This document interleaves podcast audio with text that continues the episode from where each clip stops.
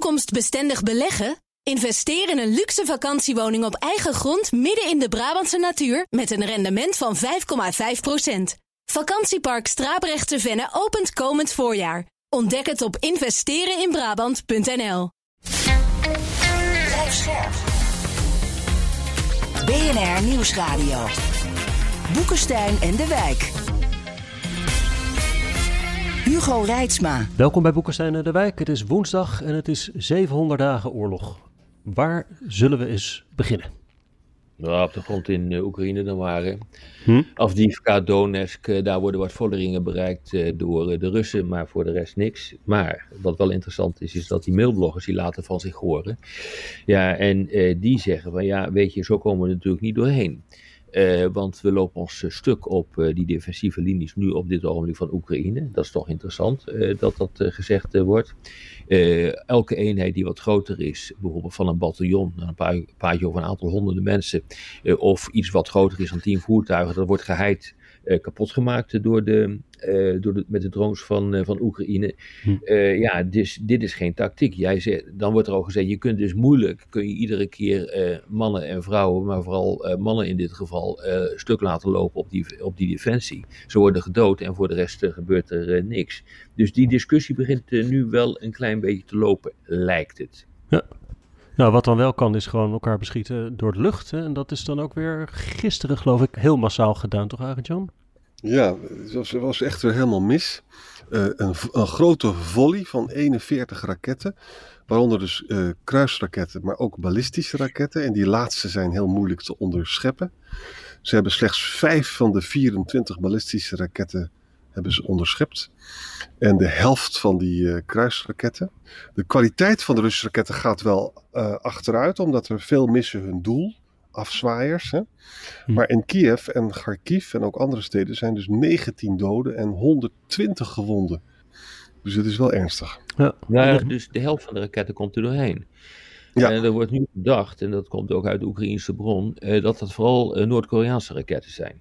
Uh, die er doorheen komen. Ah, die, zijn, ja. uh, die zijn geïmporteerd vanuit Noord-Korea, die worden nu ingezet.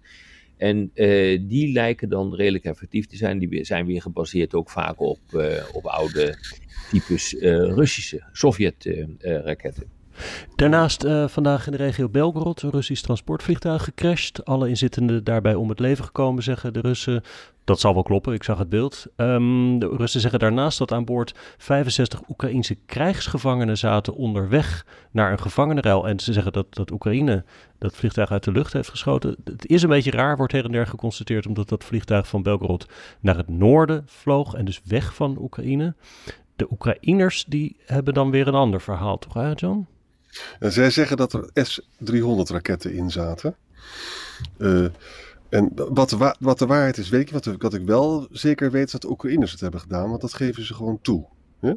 Ja. Het is, is zo'n grote Russische Ilyushin 76, zo'n militair vliegtuig met 90 zitplaatsen. Ja? En uh, ja, wat de ware toedracht is, weten, weten we dus niet. Want het kan, het kan zijn dat die Oekraïnse krijgsvrienden in zaten, maar het kan ook zijn dat het niet zo is. Het wordt een tegenstrijdige berichten. Ja, ik zou het niet vreemd vinden. Het kan ook uh, heel goed zijn dat de Oekraïnse krijgsgevangenen inderdaad uh, van Belgorod uh, richting het noorden worden getransporteerd. Ik bedoel, alles is mogelijk. Ja, omdat Rusland ze, zei dat ze onderweg waren voor een gevangenenruil. En dan, dan ga je een beetje de verkeerde kant op. Maar... Ja, nou ja, goed. Er hebben ook gevangenenruilen plaatsgevonden in Turkije, moet je maar denken. Mm. Dus ik bedoel, alle kanten op vliegen. Ja, goed. We weten het niet. Nee, um, we weten het absoluut eh, even kijken naar de, naar de westerse kant, specifiek dan de, de NAVO-kant. Zei jij, Arjan, dat de NAVO verder gaat investeren in munitie? Ja, en dat doen ze dan met name voor zichzelf. Want ze geven de munitie die ze hebben, gaat naar de Oekraïne. En, en over twee jaar hebben ze dan dus uh, 220.155 mm granaten. En die hebben ze dan nodig om hun eigen voorraden weer aan te vullen. Hm. Wijzen wel op dat 220.000 veel minder is dan een miljoen. Ja, en het kost nog 1,2 miljard ook. Dus dan kan je nagaan hoe dat is. Dat is echt onvoorstelbaar wat dat kost, die, uh, die granaten. Ja. NAVO is ondertussen volgens mij ook begonnen met die uh, grote, volgens mij grootste uh, militaire oefening sinds de Koude Oorlog, nietwaar? Ja, pakweg 90.000 mannen en vrouwen die doen eraan mee. Het begint met het overbrengen van Amerikaanse troepen naar Europa. Eigenlijk bestaat die hele oefening uit een groot aantal deeloefeningen, 16. En die zijn weer geclusterd in vier hele grote oefeningen. Nederland doet mee aan zo'n deeloefening, dat heet Quadriga. en dat is een oefening waarin wordt gekeken uh, hoe je uh, in staat bent met de Duits-Nederlandse uh, legerkorps, onder andere, of Duits-Nederlandse eenheden moet ik eigenlijk zeggen, om naar het oosten te kunnen, te kunnen worden verplaatst en daar te mhm. vechten. Maar er zijn allerlei andere ehm, oefeningen en als je kijkt hoe dat in elkaar zit, dan is dat tamelijk indrukwekkend. er zijn oefeningen die gaan helemaal naar het hoge noorden. Uh, er, gaan, uh, er zijn oefeningen die gaan vanuit Duitsland, Nederland naar de Baltische Staten enzovoort. Uh, dat zijn zeg maar die vier grote clusters van oefeningen die vervolgens weer zijn onderverdeeld in andere oefeningen. Hm. Ehm, maar wat ik het meest interessante vind is dat dus nu heel duidelijk, en dat was tijdens de Koude Oorlog ook zo, dat hele theater, zoals je dat in militaire termen noemt, van, de noord, van het hele grote noorden, van het hoge noorden, dan praat je over de Poolcirkel, helemaal naar het zuiden, uh, dat dat nu uh, één gebied weer is uh, geworden. Vroeger bijvoorbeeld waren de Nederlanders ook zeer actief in het, in het hoge noorden en trainen daar, doen ze volgens mij nu weer, met, met Noren onder andere en met andere, mm -hmm. andere landen om dat scout weertraining. En je ziet nu dat dat helemaal wordt... ja, wordt opgepept, dat soort trainingen. En dit soort oefeningen zijn ook niet onbelangrijk. En het interessante is natuurlijk hoe die, oefening dan verloopt met betrekking tot het verplaatsen van materieel naar de Baltische Staten. Ja. Dat eh, gaat gedeeltelijk uh, via de Suwalki-corridor, dus dat uh gebied tussen uh, Belarus en ehm, Kaliningrad. En gedeeltelijk gaat het ook om um, um, Denemarken heen, gaat het in de Oostzee en dan wordt het uh, in de richting van de Baltische Staten uh, gebracht. Hm. Nou, Zweden doet er ook aan mee, dus uh, dit is echt ja, een, een, grote oefening. Voor de eerste keer is zo'n grote oefening gehouden sinds, ik dacht 1988, iets in de geest. Dat ja. toont wel aan hoe essentieel dit is. En dit is natuurlijk allemaal in het kader om te kijken of de NAVO geschikt is voor de collectieve verdediging van het NAVO-verdragsgebied. Ja, er zijn twee berichten die negatief zijn voor Oekraïne, jongens. Het eerste gaat over die Taurus-raket, die Duitse waar we zo vaak over gesproken hebben. Hm. Kuleba vraagt er vandaag weer om. Hm. Maar het Duitse parlement heeft vorige week dus tegengestemd. Dat is mij ontgaan. Uh, dat betekent dus dat die Taurus-raket die dus gewoon echt definitief niet komen. En wat ook ja, wat de reden, uh, Arjan? Ja, waarom is dat? Het escalatiegevaar. En ook luisteren naar de Amerikanen die dat ook vinden. Twee dingen. Het Duitse beleid is, richt zich. Ja. Ja, ja, dat is interessant dat je dat zegt, want dat speelt dus nog steeds een rol, die, eh, dat escalatiegevaar. Er wordt altijd wel lachen over gedaan als wij het erover hebben. Uh, maar je ziet nu dat dat echt iets is wat uh, ervoor zorgt dat, uh, dat besluitvorming daardoor wordt beïnvloed. Ja, heel duidelijk. En hele slechte berichten uit Amerika, die lees ik eigenlijk al een tijdje. Kijk, je weet, de Republikeinse Partij, daar zitten een heleboel maloten in, hè? anders kan ik het niet zeggen. En die rechtsradicale vleugel, die echt, eh, die echt bestaat, die zeggen nu doodleuk, uh, wij willen gewoon elke bipartisan deal, hè? over bijvoorbeeld de Mexicaanse grens en, en Oekraïne-steun, die gaan we gewoon blokkeren. Ook al ontstaat er dan nog een grotere puinhoop aan de Mexicaanse grens. Want we willen gewoon op alle manieren willen we de Bidens electorale kansen verminderen. Nou, als, als, zij daar, uh, als zij groot genoeg zijn en ze kunnen dat frustreren, dan is dat heel slecht nieuws voor de Oekraïne. Ja, ja. Nou ja, je ziet ook wat dat betreft dat, dat propagandaoffensief van uh, Rusland zie je toenemen. dus uh, er zijn discussies, nou ja, we hebben dus net die discussie gezien over die Taurus in Duitsland, nu dit weer in Amerika. Het, ik vind het altijd opmerkelijk dat er wel wordt uh, uh, gedemonstreerd in Europa en Amerika over Hamas, maar niet over Oekraïne. Want je zou hmm. denken van als er één grote schender is van het internationale recht, dan is Rusland wel. Maar dat gebeurt gek genoeg niet. Hoe dat te verklaren is, weet ik ook niet precies. Uh, maar als je kijkt wat er nu gebeurt ook in de, in de Veiligheidsraad, waar Lavrov uh, weer een uh, discussie heeft gehouden en met alle salvende teksten is gekomen van nee, het, wij, wij streven naar vrede en harmonie in, in Oekraïne, maak je niet druk Baltische Staten, wij zullen nooit aanvallen. maar tegelijkertijd zegt hij, ja, we staan natuurlijk staan we open voor onderhandelingen, maar dan moet eerst Oekraïne wel alle eisen inwilligen. En dat betekent dus ook dat die denazificatie echt absoluut door moet gaan. Dus Zelensky moet vertrekken. Ja, weet je, mhm. dat, zijn, dat is natuurlijk geen discussie die je dan voert. Ja.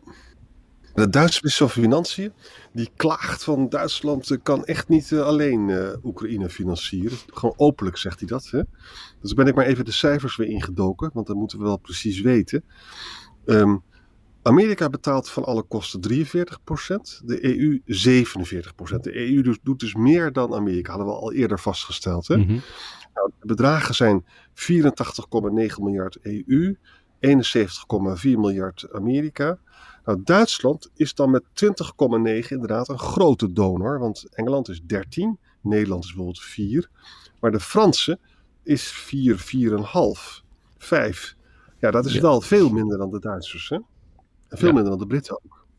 Ja. Zeg, en dat getal wat je net noemde van de EU, dat is inclusief de bijdrage van de? Of is dat uitsluitend EU? Ja, want daar zit nog een verschil in. Nee, inclusief de, bijdrage van de lidstaten. Ja. Oké, ja, dat is een hele hoop geld. Hm. Nou ja, eh, als je dus kijkt wat er op Ramstein is eh, gebeurd de afgelopen dagen. Eh, daar wordt dan de steun bevestigd aan Oekraïne dat de defensie-industriële basis wordt opgekrikt. België die heeft dus toch een toezegging gedaan van 611 miljoen euro voor 2024. Dus dat is dan weer goed nieuws.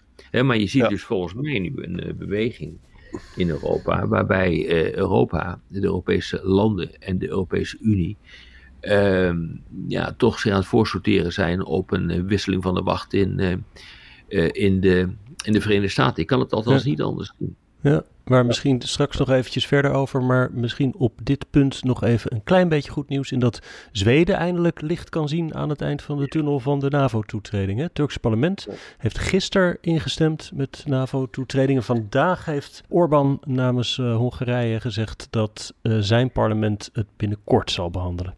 Nou, hé, hé. Zou ook wel tijd worden, mensen. Jezus. Nou, Twee jaar of zoiets zijn ze bezig. Twee jaar in een tijd van oorlog. Ik bedoel, in een tijd van van de grootste problemen die er voor de Europese veiligheid in decennia zijn geweest, ga je dit doen. Nou ja, goed, oké, fijn dat het nu uh, gebeurt.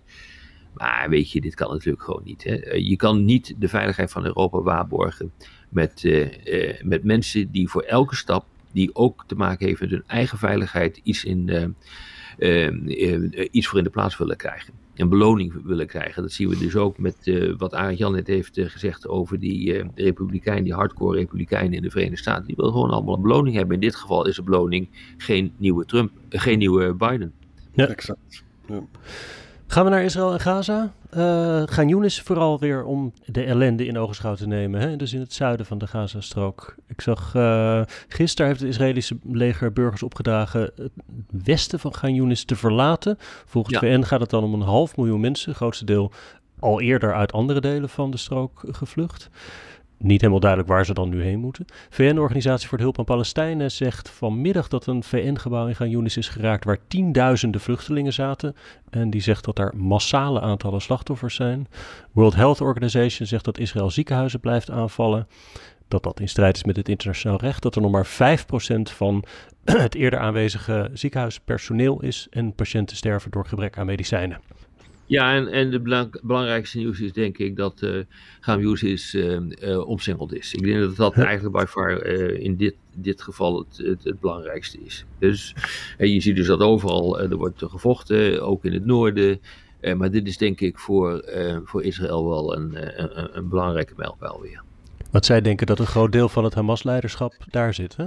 Ja, nou ja, weet je, ik, uh, ik kan me niet voorstellen dat die lui niet al lang weg zijn. Die zitten of in tunnels en als er 500 kilometer tunnel is, dan kun je altijd wel uit uh, onder de grond uh, gaan Yunis proberen te verlaten. Dus ik moet het allemaal nog zien. Ja. Ja.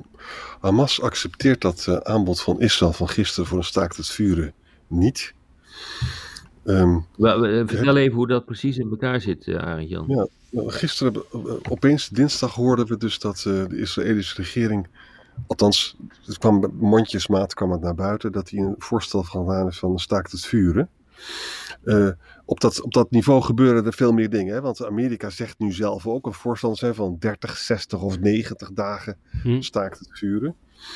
En er was, ook, er was ook allemaal geruchten over een op handen zijnde uh, gevangenenruil. Dus dat kwam via Reuters naar buiten. Ja.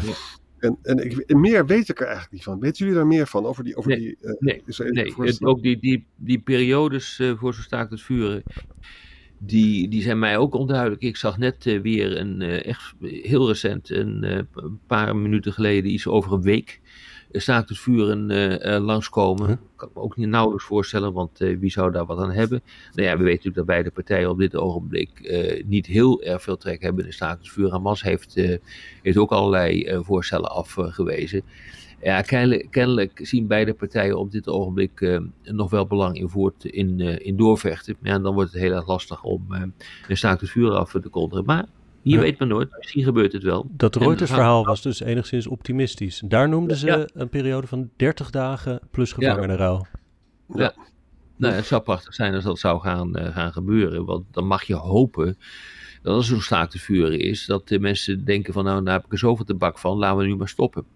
Ja. En ik kan me niet voorstellen dat je dus een volledige gevangenenruil accepteert, als, zeker als Hamas, in ruil voor 30 uh, dagen niet vechten. want daarna gaan de bombardementen natuurlijk gewoon weer door en dan heb je helemaal niks meer om de ja. Israëli onder druk te zetten. Dus ik, ik vind het een vreemd verhaal. Laat maar eens even kijken hoe dit gaat lopen. Maar dat er, dat, hetzelfde als bij, bij Oekraïne, dat er achter de schermen een hele hoop gebeurt, dat is een ding dat zeker is. Ja, die Amerikaanse gezant, hè, Brad McCurk, is vandaag in, was gisteren in Cairo en daarvoor in, in Qatar. Ze, ze, proberen met alle machten uh, gijzelaars, uh, gevangenissenruil te doen. Er zijn allemaal geruchten over, maar ik weet niet wat er, wat er van lukt. We weten het gewoon niet. Ja. Nee.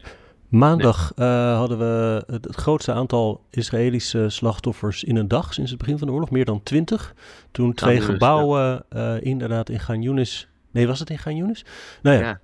Uh, twee gebouwen die werden onder vuur genomen en daar waren ze explosieven in aan het aanbrengen.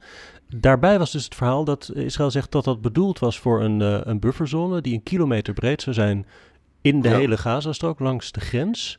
Dat is een beetje een gek verhaal, want daar is eerder over gediscussieerd, maar er is nooit een officieel besluit genomen. Toch zijn de Israëli's dat nu kennelijk begonnen. De Amerikanen hebben eerder gezegd dat ze dat daar niet mee eens zijn. Ja, maar ze doen het ook in het noorden. Daar hebben ze het feitelijk al gedaan. Ze hebben gewoon een deel van het noorden schoongeveegd. En hm. daar is feitelijk een, de facto is daar gewoon een, een nieuwe, uh, ja, een nieuwe bufferzone ontstaan. Ja. Het was een Palestijnse RPG, hè? die schoot dus op die twee huizen. En er werden dus explosieven aangebracht door de Israëlische soldaten. En toen zijn er dus 21 uh, omgekomen. Toen zijn die het gebouwen moet, ingestort. Ja, het moet overigens bij de grens zijn geweest, want het was dus het bufferzone. Ja, je hebt gelijk. Ja, ja. Ja, ja het wordt, er wordt gesproken over het centrale deel van, uh, van Gaza. Dus uh, nee, kan uh, gaan Yunis niet zijn, want het ligt verder ten, ten zuiden. Dat klopt. China stelt in de VN voor om Palestina te gaan erkennen als stap naar een twee-staten-oplossing. Hm. En Amerika wil een resolutie voor onmiddellijk staakt het vuren nog steeds blokkeren. Maar tegelijkertijd is het Amerika een voorstander van 30, 60 of 90 dagen staakt. Dus een heel onduidelijk beeld hè, wat we vandaag krijgen uit al die snippertjes. Mm -hmm. Nou ja, goed, er wordt uh, kennelijk onderhandeld en uh, af en toe wordt er uh, iets vrijgegeven, wat informatie vrijgegeven, kijken wat er gebeurt en hoe daarop gereageerd wordt. Hm. Ja. Ja. Nou, wat China wil, dat vind ik wel betekenisvol hoor, moet ik eerlijk zeggen. Ja, vind ik ook, ja. ja die gaat dus echt door. En er zijn ook allemaal berichten over een Chinees uh, vrachtschip, hè, dat dan nu door de Rode Zee gaat en dat zich dan uh, adverteert van ja, kom maar bij mij, want ik kan, ik kan, ik kan het er veilig doorheen krijgen. Oh. Precies natuurlijk waar dus de coalitierederijen natuurlijk bang voor zijn, voor die oneerlijke concurrentie. Hè. Overigens heeft Amerika weer aanvallen uh, uitgevoerd op, op, op de Houthis. Ja. En nu op twee raketten die op het punt stonden om afgeschoten te worden. Hm. En dat zijn bij elkaar, hoeveel uh, aanvallen zijn het wel niet? Iets van, Voor mij zeven. Ja, zeven, zeven of acht. Ja. ja. En ja, ze hebben ook uh, plekken in Irak uh, gebombardeerd, hè? Ja. en dat, dat leidt wel tot gedonder allemaal. Want kijk, die Iraakse regering heeft dus die, die milities onderdeel gemaakt van het Iraakse krijgsmacht. Dus die zegt nu gewoon van ja, Baghdad zegt al die Amerikaanse aanvallen op de Iraakse militie. Dat is onacceptabel, want het is gewoon onderdeel van het Iraakse leger. Hè?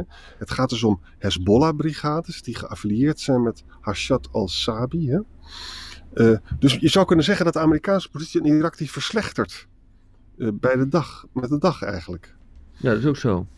Dat is ook zo. En, en Khamenei, die stookt de boel behoorlijk op, de opperste van Iran. En die steunt volop de Houthis. En die zeggen van eigenlijk wat er moet gaan gebeuren is dat iedereen die een relatie heeft met de journalisten, die moet zijn lijnen met Israël doorknippen. Uh, ja, dat impliceert gewoon dat er directe steun wordt verleend aan de Houthis, maar ook aan de, de milities. Maar dat wisten natuurlijk al in landen als Irak en, en, Syrië, maar ook in Libanon. dus Iran die speelt hier natuurlijk een buitengewoon dubieuze rol in. Ja, en dat geldt eigenlijk ook voor China. Hè? Amerika vraagt al een tijdje aan China om druk uit te oefenen op Teheran om de Houthis in te dammen. Hè?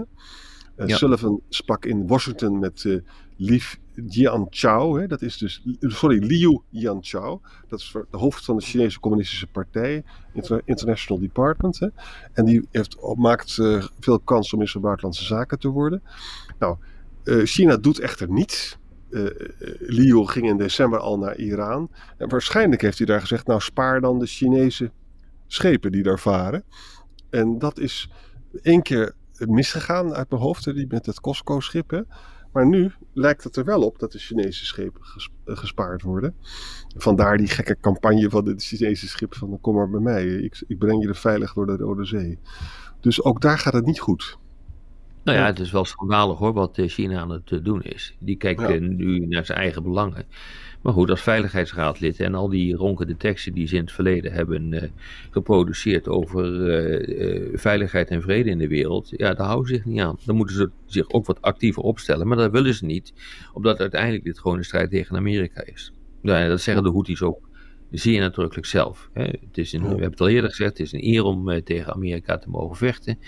Uh, en uh, we zijn echt uit, dat is vandaag weer gezegd, op een grotere oorlog in dat gebied. Ja, weet je, eh, op die manier wordt het wel heel erg lastig. En eh, ik zou het inderdaad een goede zaak vinden als eh, China gewoon zijn verantwoordelijkheid neemt. Dat doen ze niet. Dat doen ze dus niet. En het Bidens Midden-Oosten-beleid heeft ook allemaal electorale gevolgen. Hè? Mhm. Gisteren was, had Biden een, een campagne-event in Virginia. En toen werd hij dus onderbroken door allemaal van die spreekkoor. Hè? Staakt het vuren nu. Maar ook Genocide Joe. Met andere woorden, is de linkervleugel van de Democraten. Die zijn natuurlijk heel erg mee oneens. Ja. En als die jongens dus op independence gaan stemmen. Ja, dan wint Trump natuurlijk helemaal straks. Die nu bijna wel uh, verzekerd lijkt van ja. de Republikeinse kandidatuur. Hè? Nadat hij gisteren ja. ook de voorverkiezingen in New Hampshire heeft gewonnen. Ja. ja. Ze gaat nog wel door, Nikki Haley. Ik vind het wel dapper van haar. Maar ja, de experts zijn daar heel somber over, over haar kansen. Ja. Er is nog nooit iemand president geworden die zowel Iowa als New Hampshire heeft verloren. Dus dat geeft wel aan ja, ja. hoe moeilijk het is. Ja. Misschien nog één gezellig bericht uh, ter afsluiting. Uh, is dat Noord-Korea afgelopen nacht weer meerdere kruisraketten heeft afgevuurd. Volgens Zuid-Korea zijn die in de Gele Zee beland. Zijn dat lange afstandsraketten die ook kunnen worden uitgerust met kernkoppen.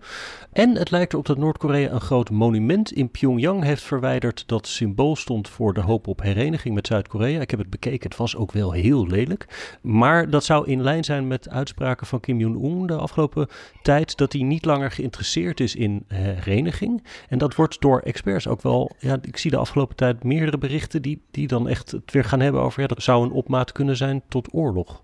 Nou ja, tegen wie dan? Tegen Zuid-Korea. Tegen Zuid-Korea, ja. Uh, tegen Amerika, die in Zuid-Korea gelegerd is. Ik denk eerder, uh, eerder dat het tegen, Zuid, uh, tegen de Amerikaanse militairen in Zuid-Korea gelegerd is. Ja. gericht is dan tegen Zuid-Korea zelf. En dat zou ook wel in het beeld passen en in de dynamiek passen die op dit ogenblik aan de gang is. Omdat uh, we zien dat Amerika natuurlijk centraal staat in die oorlog in Oekraïne. Wordt onder druk uh, gezet. Uh, ook door Rusland, maar ook binnen eigen, binnen eigen gelederen. Amerika speelt een sleutelrol in het Midden-Oosten. Wordt daar onder druk gezet door Iran, door al die strijdgroepen. Um, en ook weer tegelijkertijd door allerlei types in, in Amerika zelf. En het ligt echt voor de hand dat wanneer je Amerika nu onder het tapijt wil schoffelen uh, dan is het uh, wel handig om deze tijd uit te, te buiten. Ja, dus ja. het kan niet anders uh, dan dat een aantal leiders dit als een, um, een mogelijkheid ziet om Amerika echt, uh, echt heel erg hard uh, aan te pakken en de, en de positie van Amerika eigenlijk onderuit te halen in de wereld. En we zien dat gewoon overal gebeuren. Dus het, het, het ligt voor de hand om te veronderstellen dat Kim Jong-un, de leider van Noord-Korea, ook zo denkt.